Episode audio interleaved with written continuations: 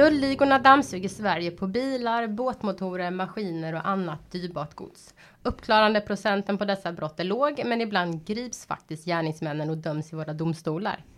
Trots att straffskalan är ändamålsenlig så tillämpar domstolarna ofta den lägre delen av straffskalan.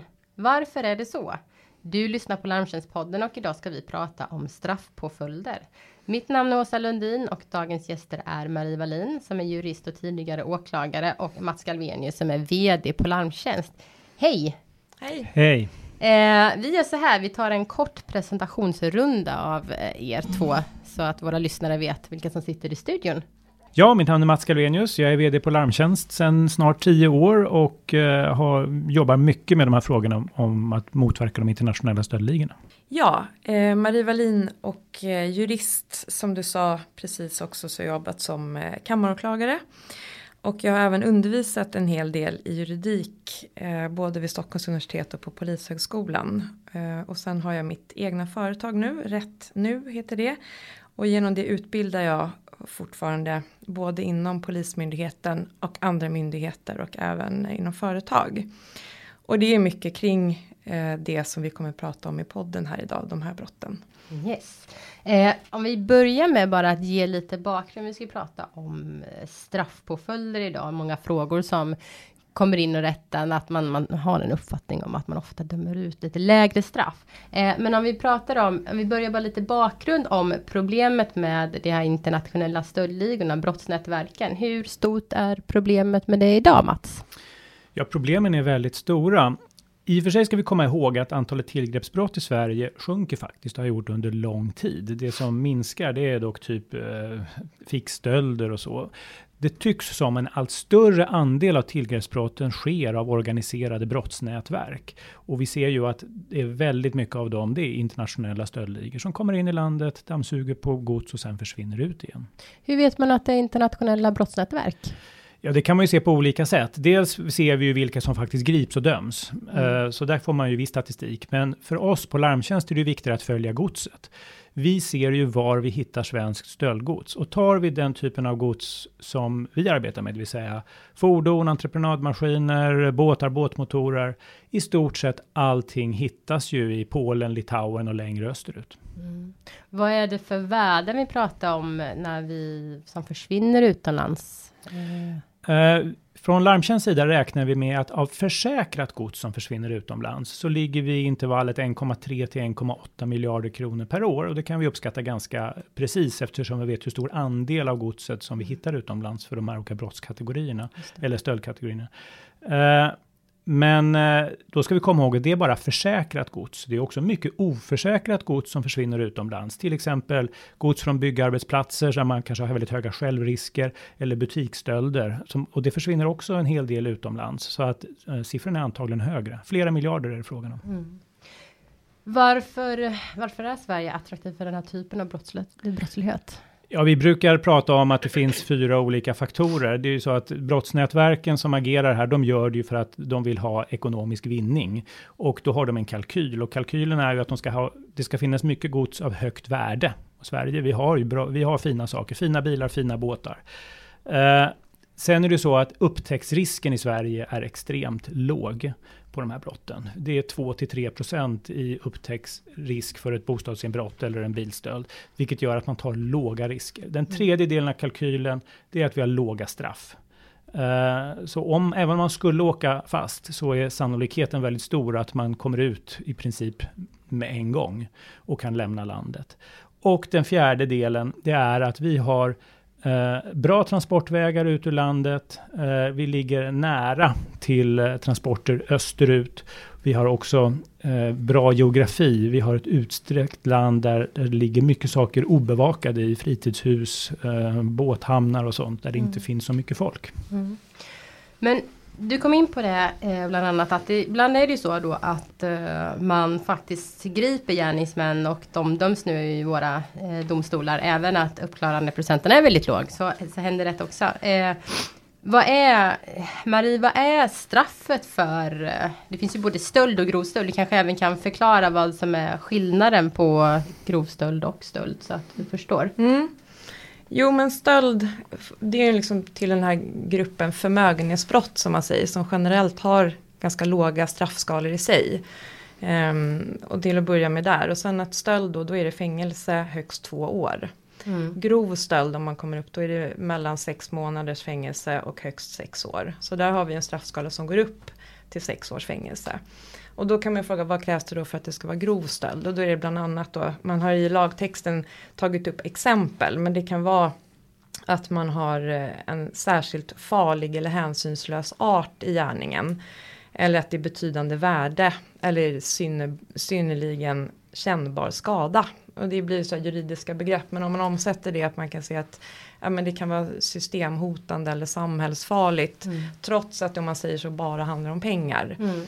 Och det är väl då man kan i det lägga in om det är organiserat systematiskt. Eh, så de här skrivningarna är ju inte eh, att det bara ska vara dem utan man kan ju som åklagare argumentera i domstol att jag menar att det här är synnerligen kännbar skada eller att det här är särskilt farligt. Ja. Um, om vi inte har höga belopp för då kan man ju då gå på betydande värde. Det. Så det, det är ju det där att man har möjligheter att argumentera men då krävs det ett underlag i utredningen så att domstolarna får upp det till grov stöld så att de kan döma för det. Mm. Vi kommer komma tillbaka mm. på de frågorna. Eh, för jag vill även att vi klargör, för att vi kan även ofta i de här sammanhangen prata om häleri ja. och stöld. Vad är, vad är det för skillnader där? Ja, så straffskalorna ser likadana ut, alltså rent hur domstolarna har att döma. Eh, och då är det vanligt häleri, om man säger normalgraden, fängelse högst två år. Och mm. för grovt så är det samma där, lägst sex månader och sen upp till sex år. Mm. Och då är det ju inte själva stölden vi behöver bevisa, utan då är det ju befattningen, alltså att man har det som är stulet mm. i till exempel en bil. Um, och då kan man ju prata om bevisningen beviskraven är de samma liksom kring att det ska vara rätt personer och sådär. Men det är lättare inom situationstecken att om det är någon som fastnar med händerna i syltburken. Ja. Eh, snarare än att vi också ska kunna härleda det tillbaka till det här inbrottet. Det. Eh, så på det sättet kan man ju också se att hälerierna kanske vi då inte kommer åt huvudpersonerna. Mm. Men om vi jobbar rätt i hälerierna så kanske många hälerier kan peka på en utgångspunkt som mm. då blir eh, stölderna. Så vi kan jobba förebyggande. Så att man inte bortser från hälerierna i sig utan att man ser att de kan vi jobba ihop så att det blir att vi sen kan komma åt huvudpersonerna. Ja. Om vi även, eftersom vi pratar nu om eh, de här internationella brottsnätverken, eh, det vill säga att de kommer från andra länder och begår brotten här, eh, så kan man se i olika domar också att man döms till, till utvisning. Vad är det för tider som gäller för utvisning och eh, dömer man alltid till utvisning och kan man vara säker på att man inte kommer tillbaka under falsk identitet? Ja, det var det sista kan jag säga på en gång, det kan vi aldrig vara säkra på. och det är ju det man också ser om man börjar den delen, att det kommer in personer som uppger ett namn en gång. Mm. Och sen kan det ju vara att man ser sen om man, om man gör de här riktiga efterforskningarna så ser man att samma personer har ibland återkommit i annan identitet. Mm. Så att vi inte blir för ja, men godtrogna i att ja, det är den här personen. Ja, och jag för egen del som åklagare också att man ibland fick säga ett uppgivet namn. Mm. Men att man får döma någon på ett eh, fingeravtryck. För identiteten har jag i rättssalen men uppger ett annat namn än det vi kanske har hunnit utreda. Mm. Så det är väl därför i kontakterna med Migrationsverket och ytterligare mot internationella Just för att det är identiteten på personen fysiskt, ja. inte vad den själv säger. den heter. Nej. Och, då, och då, det är ju så att vissa uppger ju såklart rätt namn men i och med att vi vet att en del inte gör det så behöver vi vara lite mer på tårna. Mm. Um, men om man nu har sin hemvist någon annanstans, eh, blir man automatiskt dömd till utvisning? Nej, och det är det där som är ju, Sverige är ju en rättssäker stat, så det, det är ju så vi måste förhålla oss till det. Att mm. det är ju en misstänkt person som vi i så fall säger inte får komma in i vårt land. Mm. Och då är det viktigt att det görs på ett rättssäkert sätt. Och ja. det har vi förutsättningar för att göra om vi bara gör det i tid direkt när vi har personen egentligen om man säger gripen om man skulle börja där. Mm. Och då kan man ju se både från polis och åklagare att idag finns goda förutsättningar att utreda det här. Det finns en internationell enhet inom polisen på NOA som sen har eh, såna internationella operativa handläggare ute i polisregionerna. Eh, som man då som om man säger vanlig polis, som man säger om man träffar på någon som har utländsk härkomst, mm. direkt kan sätta igång en sån process via då eh, ett system, eh, ECRIS, som är om man säger ett europeiskt belastningsregister. Mm. Och det ska ta max 10 arbetsdagar att få in ett sånt. Eh, så det går ju om man sätter igång, för det blir också en grund för åklagarna att titta på möjligheten att begära någon utvisad. Mm. Så att om man tittar på, för det är också skillnaden om man är EES-medborgare eller inte.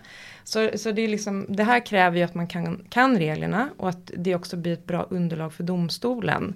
Att vi har den här typen av brott och är det bara böter då kan vi inte gå på utvisning. Nej. Men om vi har ett visst brott som har ett straffvärde på ett år och sen finns det ett väldigt bra till exempel flödesschema för åklagaren, en jättebra handbok. Där man liksom kan följa ja, nej, ja, nej, ja, nej.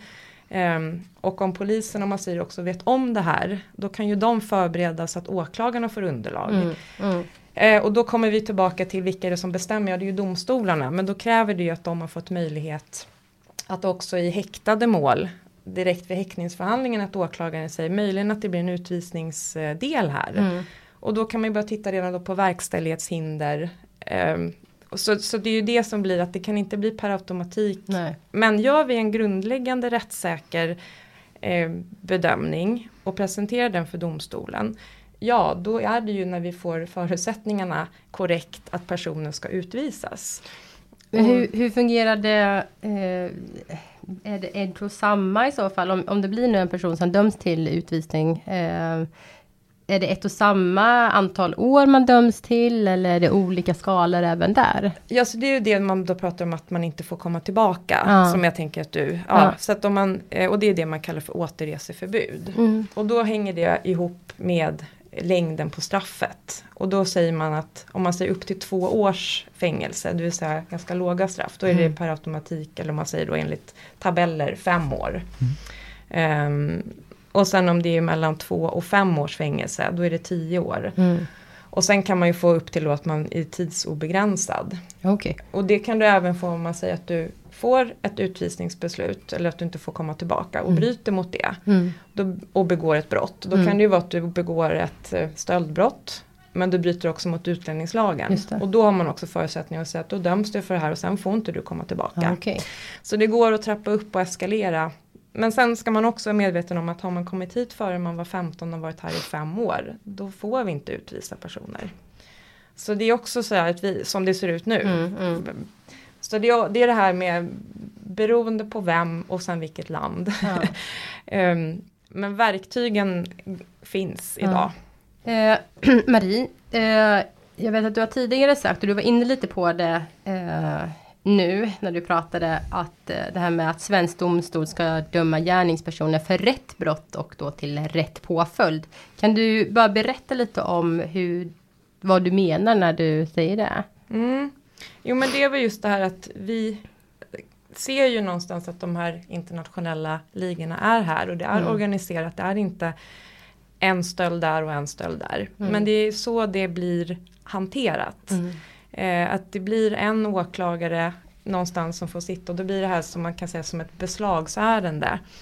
Häleri, grovt häleri kanske. Mm. Och då blir det ju för den enskilda åklagaren ett ärende isolerat. Um, och då blir det ju inte heller någonting som blir en effekt i domstol för det finns ju inte så mycket att presentera. um, och det är ju precis tillbaka till det här vi säger att det finns ingen helhetssyn och det finns ingen riktig samverkan i de här myndigheterna som, som jag ser som borde ha det. Och då är det ju allt från, om man säger polisen, kustbevakningen, tullen, åklagarmyndigheten som tillsammans med domstolarna och i sista hand kanske då frivården, kriminalvården. Att det blir en helhet i det, att man ser från ledning och styrning att det här är inte enskilda myndigheter nu som sitter utan det här är någonstans ett samhällshotande problem och att man uppifrån då tar ett helhetsgrepp och visar signalvärdet. Um, och bara som den delen idag med Finansdepartementet som äger tullen. där jag, där jag för egen del som bara tittar på ärendena ser men tullen är ju lika integrerad i det här som de andra myndigheterna. Och det är inte bara jag som ser det men det är en del av det också att om vi inte uppifrån i ledning och styrning har rätt kompetens och rätt verktyg. Mm. Så är det nu ner till den enskilde åklagaren någonstans att nu ska jag sätta igång och kontrollera här om det är organiserat. Och det är inte så det är uppbyggt. Nej. Men var, varför är det inte uppbyggt på det sättet? Varför samverkar man inte mera? Ja, det är en bra fråga tycker jag. För det är inte något nytt vi pratar om. Det här har ju pågått och det finns ju ett initierat regeringsuppdrag sedan februari 2018. Ehm, så det är ingenting som, som man behöver sitta egentligen och fundera på vad ska vi göra i framtiden utan mm. nu är ju nu. Och jag, jag ser ju också möjligheten att man redan idag kan börja jobba mer i det som redan finns. Tillbaka till om vi ska tänka på vad det är vi får ut av det här systemet. Mm. Men det är en form av signalvärde. Du får en och jag pratar inte att det ska vara så, alltså att vi ska ha så långa fängelsestraff utan det är mer signalvärde att det blir en frihetsberövande påföljd. Mm. Och sen blir det utvisning. Mm. Eh, men då krävs det ju att man har arbetat i ett ärende så man vet att det ska sättas igång. Mm.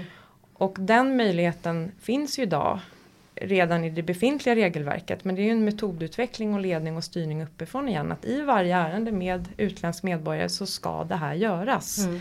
Bygg in ditt datasystem eller vad som helst. Mm. Liksom, du kommer inte vidare i bilden om du inte har skickat en förfrågan.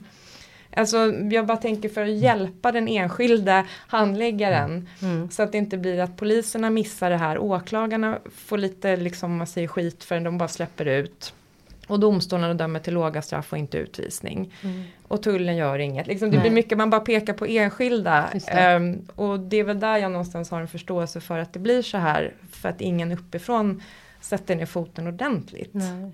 Så det är mycket av det anledningen, vi pratar ofta om att man dömer då i den lägre delen av straffskalan. För att, mm. för att eh, det, fin man kan ju, det finns ju en lagstiftning som säger att vi kan döma upp till sex år, så är det för grov stöld. Ja, och där måste vi också ha en rätt förväntan på domstolarna. För vi har ju också en tradition, även om vi har straffskalor så är det lite så som det är. Och det byggs ju på eh, lång tradition och hur det ser ut i praxis som man säger från högsta domstolen i det här fallet och hovrätterna. Vi ligger i de lägre delarna mm. när vi gör den här i domstolarna straffmätningen. Mm. Och där är det till exempel också man ska veta när man tar in om vi har ett brott och man riskerar att bli utvisad. Då anser man att det är till men. Okay. Och då blir det också direkt egentligen ett lägre straff. Ja.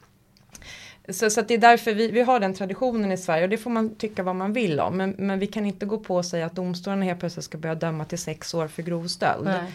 Även om man ser, men ni kan ju det. Jo, men det ligger inte i systemet att göra det. Men om vi tänker att vi istället ska försöka få in ett frihetsberövande i sig. Då krävs det att vi jobbar med att få in till exempel belastningsregister från andra länder. För då är det i sig ett skäl för fängelse. Mm. Eh, för annars har vi att vi måste ha ett straffvärde på ett år. För att kunna döma om man säger till fängelse. Mm, mm. Men om vi har en dom, vi säger att vi har från Litauen för att mm. ta det exemplet som inte är helt ovanligt. Då kan vi se om personen har begått brott tidigare för vi hämtade in det här utdraget, vi hann få med det till mm. domstolen. Och då kan domstolen, för det finns en sån dom bland annat från Solna tingsrätt som säger ja men fyra månaders fängelse. Det vill säga lägre än ett år. Mm. Men för att man i det fallet hade tagit fram eh, registerutdrag från mm. utlandet. Mm. Eh, och det är det jag kan tycka, då blir signalvärdet frihetsberövande och mm. sen utvisning. Och då eh, på det, för att som sagt straffskalorna är högre än vad vi dömer ut i mm. Sverige. Mm. Mats, eh, du har pratat tidigare om eh, men att man sett problem med att åklagare inte då sätter enskilda stölder i ett större sammanhang. Så att det blir inte, om man säger, till den här organiserade brottsligheten. Och du hade även ett exempel om i våras där eh, polisen grep en person som hade lastat flera stulna premiumbilar på en biltransport.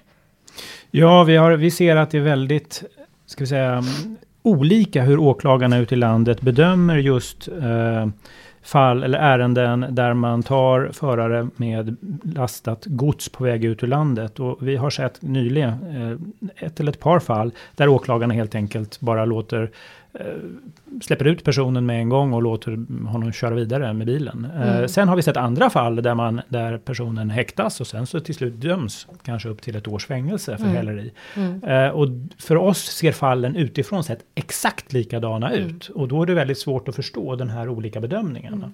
Mm.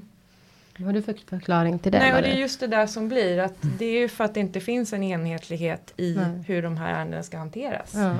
Och då blir det ju upp till den enskilde tjänstemannen Ja. någonstans att bedöma. Och, och det, är då, det är då det inte blir rättssäkert. Um, Nej, och för att komma tillbaks till det Marie sa tidigare, alltså det saknas någon som tar ett helhetsgrepp. Vi Mm. har ett problem i Sverige. Dels har vi ett flertal myndigheter som är inblandade. De jobbar alla i stuprör. Även om man gör försök att hitta ska säga, länkar mellan dem så har vi inte kommit tillräckligt långt där. Det är fortfarande stuprör mellan polis, åklagare, eh, eh, kustbevakning, tull, alla de som är de, Mm. del av rättskedjan.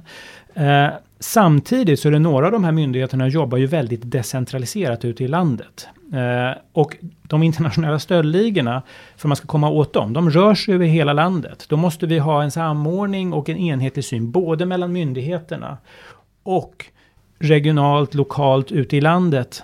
Eh, alternativet är ju att man försöker samordna det här inom någon form av enhet eller någon form av insats gemensamt nationellt. Men som Mm. det är nu så är de, de, eh, vi klarar inte av det med den struktur vi har idag. Nej. Vi pratar mycket om, eh, vi pratar, vi pratar just nu om eh, de här lägre straffskalorna och eller hur, hur gärningsmän frias och i ett annat ärende så, så döms de till bra straff, olika där. Finns det exempel på lyckade domar till exempel, där man, där man faktiskt, faktiskt kan se att man har dömt rätt, som man skulle kunna lyfta här också? Ja, vi hade väldigt bra dom i Norrköpings tingsrätt här den, eh, i, i somras, i mitten av juli. Där var det en dom där en biltjuv eller, ja, dömdes till två år och två månader Mm. och två män till två år plus utvisning Mm. i just sånt här ärende. Det tycker vi är en väldigt bra dom och det är en fullständigt rimlig dom. Mm. Eh, Det höjdes till och med straffet sedan i uh, hovrätten. Men om man pratar då om vad det är som behövs, så menar ni egentligen att man måste jobba på ett annat sätt än vad man gör, man gör idag? Man måste, man måste helt enkelt samverka mera mellan de olika myndigheterna och se hur detta är ett problem för, för alla myndigheter egentligen och att det krävs att man jobbar över kanske gränserna för att säga för att kunna för att kunna lagföra de här personerna på rätt sätt också. Jo, det är väl att man tänker att de här ärendena förtjänar, tycker Mm. jag, en annan eh, behandling Mm. i rättsväsendet i stort. Mm. Ehm, och det här med att man annars ser om vi fortsätter så här, då är det ju bara en, en eskalering av problemet. Mm, mm, Och det är ju lite så att varför de är här? Ja, för att det är bra att vara här. mm. Alltså man är där man vill vara. Mm. Och när vi har de här så är det en bekräftelse på att vi inte gör tillräckligt. Så tänker jag rent konsekvensanalytiskt utan att ha alla siffror. Men här är fina saker, precis de fyra sakerna Mats sa. Fina Ja. saker, bra grejer och det är inte så bra kontroller. Ehm, Det finns ju även ett förslag att, eh, om vi är tillbaka till, till straffen här, att eh, införa ett begrepp om inbrottsstöld och det skulle då ge ett högre straffvärde. Vad, vad skulle något sådant innebära? Ja men där är ju ett förslag är att det skulle vara nio månader som minimum. Men då kan jag tycka att då är det bättre om man tänker att man kör ett år. För då får vi upp eh, direkt en, en, en, en straffvärde Mm. på brottet i sig. Och då Mm. blir det även lättare att jobba i det och även utifrån utvisningsdelen. Mm. Ehm, för då blir det mer en presumtion att det här är ett brott som kan leda dit. Om, vi nu, Mm. om syftet med det är att vi ska få en effekt i de här brotten. Jag tänkte också även på eh, när man pratar om sådana hemliga tvångsmedel. Eh, det kan ju vara allting från telefonavlyssning, kameraövervakning och eh, annan elektronisk eh, kommunikation. För att kunna använda detta så måste brottet också ha ett visst straffvärde.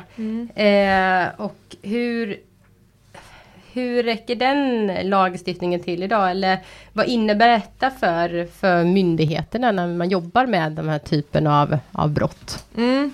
Nej men för det är en annan del i det här med att vi ehm, Om man säger polisen kan jobba jättebra i ett ärende underrättelsemässigt och det vet vi att de gör. Um, och så krävs det att åklagarna i så fall kan fortsätta i en förundersökning. Mm. För det kan ju vara olika delar också, att man spanar på någonting och sen så är plötsligt så inleder man förundersökning med en misstanke. Just det. Och att kunna då i en förundersökning så krävs det idag, och det är också så en rättssäkerhetsdel, vi ska inte kunna lyssna hemligt hur som helst. Ehm, men då är det om man, man pratar vissa typer av grövre brott men sen även andra brott om man säger att man kan anta att brottets straffvärde ska överstiga två år. Ja. Och då är det domstolen som bedömer utifrån att åklagaren då presenterar det, det här brottet. Och då står det som sagt brottets straffvärde. Och då har vi ju precis gått igenom att de här brotten i sig har inte så högt straffvärde som två år. Men det man då skulle kunna se som en möjlig lagändring det är om man då skulle säga att istället den samlade brottslighetens straffvärde. Man frångår det, det enskilda brottet. Ja, för det man pratar om då är brottsenheter och Ja. då måste jag då om jag ska få en hemlig telefonavlyssning eh, kunna bevisa att varje brott här har, det. och det är svårt, men där man kan säga att den här brottsplanen är farlig. Den kommer generera ett fängelsestraff möjligen på två år. Ja, då kan man ju utifrån det då få fortsätta på polisens jättebra underrättelsearbete även i en förundersökning. Mm. Och idag så står det brottets straffvärde och då är vi ju förhindrade. Man skulle kunna ändra en så liten liksom, eh, Ja. rubricering eller eh, bara plocka bort vissa ord för det alltså skulle bli lättare att skriva- jobba med det. kan antas att, att brottets, alltså brottslighetens Ja. samlade straffvärde. det. Och det har gått i ärenden idag. Man har kunnat argumentera till exempel alltså såna assistansbedrägerier. Att det är uppgjort att nu ska du fingera det här. Ja. Brottsplanen i sig. Men, men det kräver väldigt mycket ehm, belägg för det. Just det. Och ehm, därför, det är väl en sån här möjlighet i lagstiftning. Mm. I rätt. Det finns ju också en åtgärd som har föreslagits att eh, domstolarna i ökad utsträckning ska kunna eh, förverka brotts, ja, eller gärningsmännens brottsverktyg. Är det möjligt att förverka till exempel gärningsman, gärningsmannens eh, fordon, ja, långtradare eller annat transportfordon eh, fordon, eh, som de har använt i, i, för att föra ut gods ur landet? Ja, alltså det är ju den vanliga om man säger regleringen om det här med förverkande. Ja, Så att det går ju. Ja. Och det finns ju liksom om man säger egendom som används som hjälpmedel vid brott. ja, Eh, och kan vi styrka det, att den här egendomen har använts? Ja. Sen att vi kan se att om det är en bil, en vanlig bil som inte är specialutrustad så kan det vara svårare än om vi har massa lönnfack och saker. Alltså, men, men utifrån hur lagstiftningen ser ut så går det. Mm. Och eh, det finns ju domar på att det har gjorts och sen finns det domar på att man inte har gjort det. Ehm, men det är ju igen att man ser att om det är så att det här på ett systematiskt sätt används hela tiden och sen ibland används legalt. Ja, då kan man ju säga att kanske huvuddelen av användandet är i brottssyfte. Mm. Så att ehm, det går. Det finns det möjligheter går, där ja. också. Mm. Om man skulle se utifrån, vi har varit inne på det, men ändå för att avrunda det här avsnittet på något sätt. Att vad är de största utmaningarna eh, när vi pratar om de internationella brottsnätverken och då hur vi lagför eh, på det sättet som vi, vi gör? Ja, alltså först och främst så från som jag bedömer det så är det ändå det viktigaste är att få upp uppklarandegraderna för att det är det absolut mest väsentliga. Och då tycker vi att man måste eh, se till att polisen har tillräckliga medel för att kunna utreda, kunna det, ja, motverka den här brottsligheten. Då kommer vi in på det här bland annat med hemliga tvångsmedel. Mm. Det tycker jag är, är viktigt att de har förutsättningar ganska att, eh, att kunna använda det. Där kommer också in i det här med att man eh, har bättre eh, utförselkontroll vid våra gränser. Idag har vi i princip ingen och då kommer vi in på det här med tullens befogenhet och mandat eller att polisen har närvaro och att det finns någon med befogenhet att faktiskt ta godset och gripa personer vid gräns. Det är ett stort problem att vi Mm. inte har den möjligheten idag. Vi säger inte från larm eller från bran- försäkringsbranschens sida att vi måste höja straffskalorna. Det är inte det det är frågan om egentligen. Däremot tror vi att det är vettigt att försöka gradvis i alla fall utöka eh, ska vi säga, spann, eller att man eh, använder hela spannet i straffskalorna Mm. på ett bättre sätt än man Mm. gjort tidigare. Marie, vad skulle du se som, som de främsta utmaningarna? Nej men det är väl just det här att det idag inte är en helhet.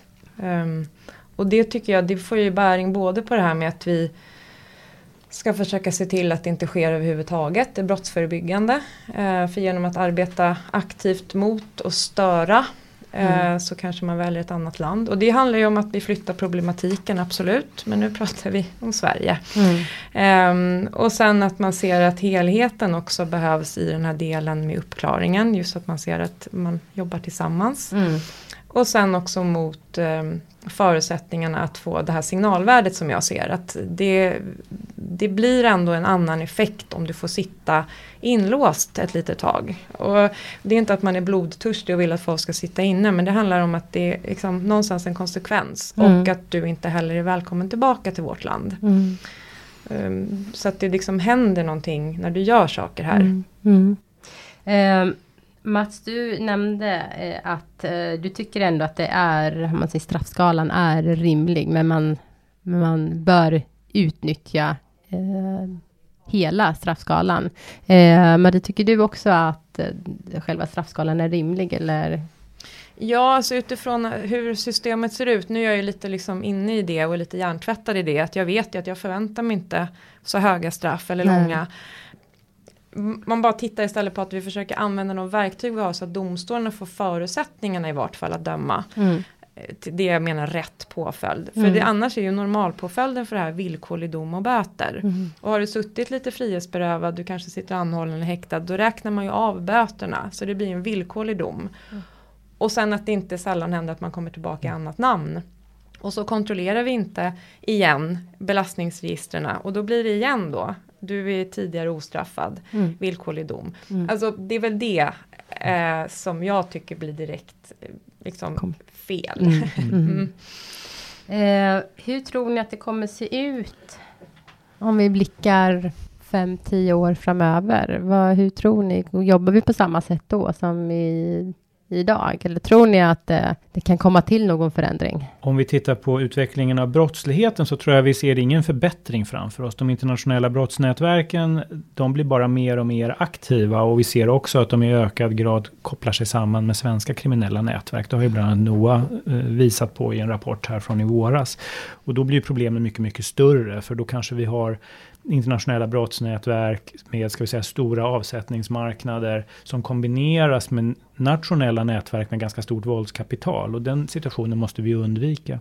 Och för att göra det så, jag delar Maries bedömning, måste det finnas någon som tar ett helhetsgrepp. Mm. Och det saknas idag. Mm. Regeringen har absolut vidtagit en hel del bra åtgärder, men det är styck, styckevis och det finns inte ett helhetsperspektiv. Någon måste faktiskt sätta ner foten och säga nej nu ska vi göra någonting åt det här problemet innan det blir uh, helt uh, omöjligt att hantera. Mm. och då krävs det ganska kraftfulla åtgärder och en, en långtgående strukturförändring. Mm. Tror du att det är rimligt att det kommer att göras den typen av åtgärder framöver? Förr eller senare måste det göras. Mm. Eh, jag är optimist, jag tror alltid på att det går att lösa problem. Jag är övertygad om att det går att lösa problem. Egentligen är den internationella brottsnätverken de enkla en av de enklaste brottsligheterna att lösa. Därför att det är fortfarande nätverk som åker in och ut över en gräns. Och jag brukar alltid säga att Sverige har geografiskt väldigt goda förutsättningar att kontrollera sin gräns. Man mm. måste över en bro eller ut via ett antal hamnar eller möjligtvis över Haparanda. Men det är fortfarande ett femtontal punkter som ska kontrolleras. Mm. Det skulle vara en oerhörd samhällsnytta att ha utförselkontroller av någon form. Och det kan man även göra tekniskt vid de här utförselpunkterna. Då skulle man slå ut de här nätverken. Mm. Jag förstår inte varför det ska vara så förbaskat svårt. Marie, mm. vad tror du om, eh, om framtiden? Nej men det där är ju precis det som, som är kärnan mm. som Mats säger. Och, och, tekniken finns ju också på man säger, den privata marknaden till viss del inom polisen men att man hjälper eh, alltså på ett rättssäkert sätt varandra här. Eh, utifrån ett externt perspektiv också. Att mm. om det är så att vi har bristande resurser, man kanske kan kliva in med en annan typ av medel då, finansiellt, som kan stötta i det här på ett sätt, om vi nu inte mäktar mer med statsmedlen. Alltså mm. att, att, öppna upp lite tankar kring helheten, samhället, vad är vi beredda att betala för pris när vi idag har en otrygghet. Mm. Mm. Um, för det är, det, liksom, det är därför jag också tycker att det här är inte bara att man tittar på nu ska de här få fängelse utan det är så att vi också ska kunna tycka att det är, är bra att vara i Sverige. Mm. Eh, som helhet. Och sen, nej men det är tillbaka till det här med helheten. Om vi inte tar ett helhetsgrepp och om inte det är rätt om man säger kompetens i ledning och styrning av det här. Ja då kommer det ju bara fortsätta. Uh, och det, det vill inte jag heller se. Utan jag tänker också, det finns jättemycket att göra mm. eftersom att det är så dåligt idag. Mm. Ni har hört Larmtjänstpodden som är en podd från Larmtjänst som är en branschorganisation för sakförsäkringsbolag med syfte att bekämpa försäkringsrelaterad brottslighet. Dagens gäster var Marie Wallin och Mats Galvenius och jag Dela gärna podden i alla era sociala kanaler. Tack jag för att